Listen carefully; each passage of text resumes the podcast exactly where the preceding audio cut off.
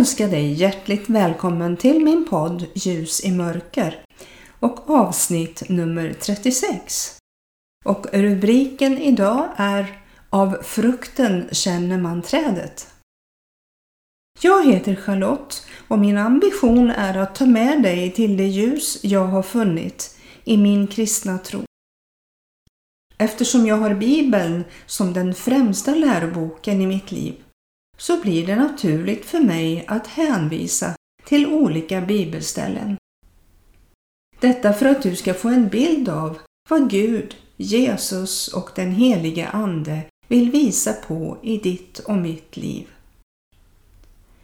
Vi kan hamna i olika situationer i livet som vi inte räknat med. Vi kan uppleva kriser och sorger men också stunder av glädje och upprymdhet. Vi människor är så olika och har olika uttryckssätt för att förmedla hopp och glädje beroende på hur våra känslor ligger i oss. En del har känslor som ligger djupt, en del har det väldigt ytligt och en del mittemellan. Här finns det inget rätt och fel utan det beror oftast på hur våra liv har gestaltat sig. Vilka relationer och händelser som har satt sina spår i oss. De människor som Jesus mötte när han vandrade här på jorden var på den tiden lika olika som vi är idag. Visst såg det annorlunda ut med yttre saker som till exempel miljö men människorna upplevde ändå tragik, sorg och bekymmer för den dagliga livsförsörjningen. Glädjen och hoppet skiftade för dem precis som det gör för oss idag, men kanske av olika anledningar. Om man tänker på hur utvecklingen har gått framåt så har vi större möjligheter att lösa problemen än vad man hade då. Oftast fick man arbeta hårdare för att få en tallrik mat på bordet. Det fanns inga mikrovågsugnar eller elektricitet överhuvudtaget. Man fick använda sig av det som naturen erbjöd. På samma sätt var man mer beroende av en gud som hade omsorg om en. Man fick lära sig att be, läsa Guds ord umgås med likasinnade och så vidare.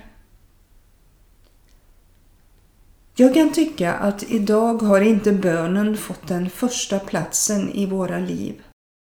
Och jag tror att det gör att vi inte får uppleva så mycket som vi skulle önska när det gäller bönesvar och glädje. Vi har troshjältar som insåg att bönen var en viktig nyckel för att få det rätt ställt med Gud. Och vi kan läsa om det både i Bibeln och även i våra dagars litteratur. En del kan och kunde ägna nätterna åt att vara inför Gud i bön. Och det är ingen hemlighet att dessa fick höra Gud tala på ett speciellt sätt. Vad är det då som gör att det är så svårt för oss att gå in i bönekammaren och ta en god stund att vara inför Herren. Jag kan bara gå till mig själv. Det är bekvämare att sätta sig och lyssna på en predikan på Youtube eller läsa tidningen. Det är som om man hade klister i ändan och det är svårt att resa sig och göra det man måste. Jag kan inte skylla på åldern eller att jag har ont i min kropp. Jag är fullt funktionell fysiskt. Ibland får jag ett mejl från Sverige 365 att nu är det dags att teckna upp sig på böneschemat för veckan som kommer. Sverige 365 handlar om att vi ska be för vårt land. Då hoppar jag gladeligen på och skriver upp mig varje dag en timma. Det är den veckan som gör avtryck i mig.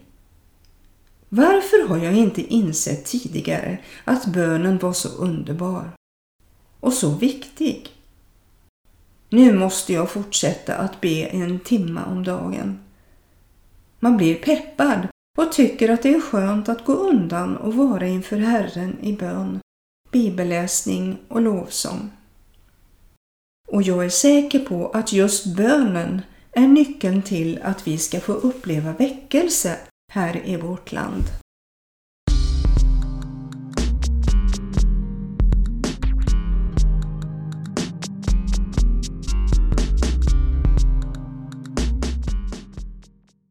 Nu ska jag ta med dig till Johannes evangelium och kapitel 15 där Jesus undervisar oss och säger i vers 1 till och med 5.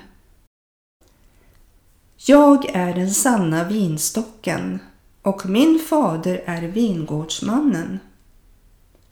Varje gren i mig som inte bär frukt skär han bort och varje gren som bär frukt rensar han för att den skall bära mer frukt.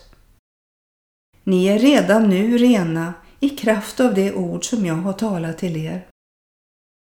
Förbli i mig så förblir jag i er.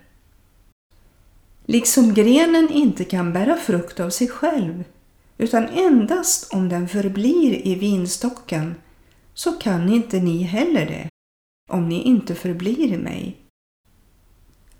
Jag är vinstocken, ni är grenarna. Om någon förblir i mig och jag i honom bär han rik frukt, ty utan mig kan ni ingenting göra. Vi fick en vindruvsplanta av min mans syster förra våren. Vi planterade den i rätt läge, i söder, och gav den vatten och gödning. Det blev inga vindruvor den sommaren för den var rätt så liten då men i år så blev vi så överraskade. Det blev många klasar på den. Och vad vi inte visste innan så såg vi att vindruvorna blev blåa. Först var de gröna och då hade vi ingen lust att smaka på dem för de var nog ganska sura. Min mans syster sa att hon hoppades att vi skulle kunna smaka på dem i september för då är de mogna. Nu är plantan väldigt stor och har skjutit skott över vår pergola med många stänglar som sträcker sig mot norr. Precis som den skulle göra. Hon sa också att vi skulle rensa bort stora blad som annars skulle skymma klasarna så solen inte kunde få dem att mogna. Vi gjorde så och sen dröjde det inte länge förrän de blev blåare och blåare. Om vi hade klippt av grenarna med de små klasarna så hade druvorna aldrig kunnat utvecklas. Det är precis det som Jesus menade i bibelordet tidigare.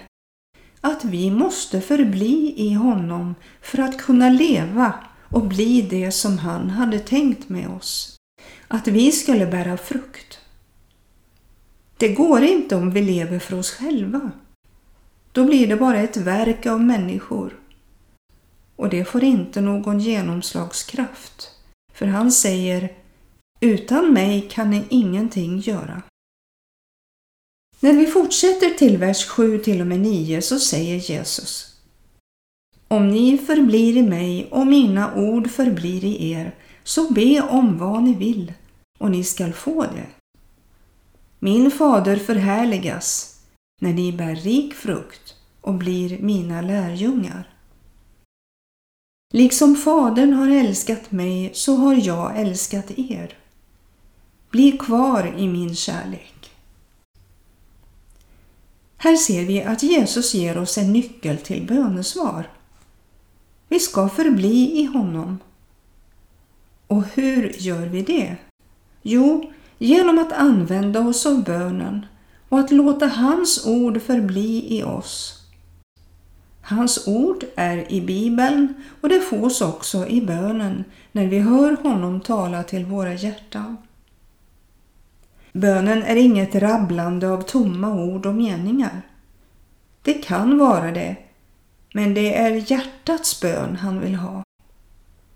Bön är en relation.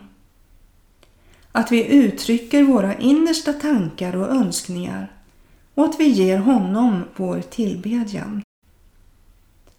När vi gör det så förblir vi också i hans kärlek. Vi fortsätter i vers 11. Detta har jag talat till er för att min glädje skall vara i er och för att er glädje skall bli fullkomlig. Detta är mitt bud, att ni skall älska varandra så som jag har älskat er. När vi förblir i honom och hans kärlek så får du och jag den där fullkomliga glädjen. Om du har varit förälskad någon gång, och det tror jag säkert att du har varit, så har du en pirrande känsla inom dig. Och så fort du tänker på honom eller henne så fylls du av en sån kärlek att det är svårt att inte dölja sina känslor inför andra. Jesus manar oss att förbli i hans kärlek, precis som Faderns kärlek förblir i honom. Och precis som han har älskat oss så ska vi också älska varandra. Rädsla finns inte i kärleken. Och det står om det i första Johannesbrevet kapitel 4 och vers 18. Utan fullkomlig kärlek kastar ut all rädsla eftersom rädsla har att göra med straff. Kärleken gör oss trygga. Precis som ett barn som blir älskat och ompysslat av sin mamma och pappa. Men skulle barnet senare i livet göra något som inte föräldrarna kan tolerera så blir barnet otryggt och lever i rädsla. Det blir en naturlig följd av att barnet är olydigt. Det finns en onaturlig rädsla som man inte kan hantera. Och det kan bero på att föräldrarnas kärlek inte funnits naturligt i barnets liv. I Bibeln står det att Gud är kärlek i Första Johannesbrev 4 och 16. Och den kärleken kan vi lita på. Han har älskat oss först och han älskar oss även om vi gör saker som inte behagar honom. För han vet att det är synden som gör att vi är som vi är. Han har en osjälvisk och utgivande kärlek. På samma sätt ska vi älska vår nästa. Var och en som älskar Gud Fader älskar också hans barn. Och att älska honom är att välja att hålla hans bud. Hans bud är inte en börda som tynger ner oss, utan allt som är fött av Gud, alla pånyttfödda, frälsta, segrar över världen och det genom vår tro.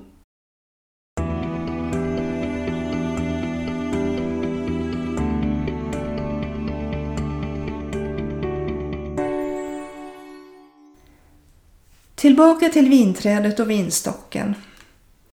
Jesus säger att han är det sanna, det äkta, genuina vinträdet och att Gud Fadern är trädgårdsmästaren. Varje gren i mig, säger han, som inte bär frukt rensar eller tuktar han så att den kan bära mer frukt, som är både bättre och rikare. Det Jesus menar kan antingen betyda att grenen som inte bär frukt tas bort eller att den lyfts upp från marken så att den får en ny chans att bära frukt. Därför är det så viktigt att bära de frukter som kallas Andens frukter, som jag talat om i ett tidigare avsnitt. Andens frukter är kärlek, glädje, frid, tålamod, trofasthet, mildhet, godhet, vänlighet och självkontroll. Om nu någon väljer att inte förbli eller vara förenad med mig, säger Jesus, så kastas han bort som en avbruten gren och förtorkar. Sådana grenar samlas upp och kastas i elden och bränns upp. Om du lyssnade noggrant så sa jag om nu någon väljer att inte förbli eller vara förenad med mig. Vi har ett val att göra. Vill vi förbli i Jesus så förstår han oss, så vill han också vara med oss. Och det ger han oss kraft att förbli. Tidigt i höstas så hade vi en gren på vårt äppelträd som nästan var på väg att brytas av på grund av att den blev för tung för stammen. Jag ställde en uppfällbar stege som stöd för grenen medan äpplena skulle kunna vara kvar och mogna. Till slut så tog min man och plockade av frukten. Men det var inte många äpplen som gick att äta. De kunde aldrig mogna klart innan det blev för kallt. Och dessutom var det många äpplen som vi fick slänga på grund av mask och annan ohyra. Därför, om vi vetat det innan, så var det ganska onödigt att stötta upp trädet. Visserligen finns grenen kvar, men frukten var inte god. Så kan det vara om vi inte bär på äkta frukter utan försöker i oss själva att bära kärlek, glädje, frid och så vidare. Det är ingen frukt som kan mogna om vi inte förblir i Jesus och hans kärlek. Rubriken för det här avsnittet kallade jag Av frukten känner man trädet. Och det är det som är meningen. Att vi ska bära den frukt som Jesus ger oss kraft till. Vi måste låta hans sav flöda i och genom oss, den livgivande saven, för att vi inte skall torka ut alldeles. Om världen ser att vi bär på äkta frukt genom ett förblivande i Herren så märker de att trädet också är gott. Att Jesus är något att hålla sig till, tro på och förbli i. I Matteus kapitel 7, verserna 13 till 21 står det så här avslutningsvis. Gå in genom den trånga porten. Ty den port är vid och den väg är bred som leder till fördärvet. Och det är många som går fram på den. Och den port är trång och den väg är smal som leder till livet. Och det är få som finner den. Akta er för de falska profeterna som kommer till er klädda som får men i sitt inre är rovlystna vargar. På deras frukt skall ni känna igen dem. Inte plockar man väl vindruvor från törnbuskar eller fikon från tistlar. Så bär varje gott träd god frukt, men ett dåligt träd bär dålig frukt. Ett gott träd kan inte bära dålig frukt och inte heller kan ett dåligt träd bära god frukt. Ett träd som inte bär god frukt blir nerhugget och kastat i elden. Alltså skall ni känna igen dem på deras frukt. Inte skall var och en som säger Herre, Herre till mig komma in i himmelriket, utan den som gör min himmelske faders vilja. Förbli i Herren, förtrösta på honom i allt. Ägna dig åt bön, lovsång och bibelläsning. Det är att förbli i honom när vi läser hans ord, tror på det och går på det. Då är du och jag på god väg och kan känna oss trygga inför framtiden. Gud välsigne dig.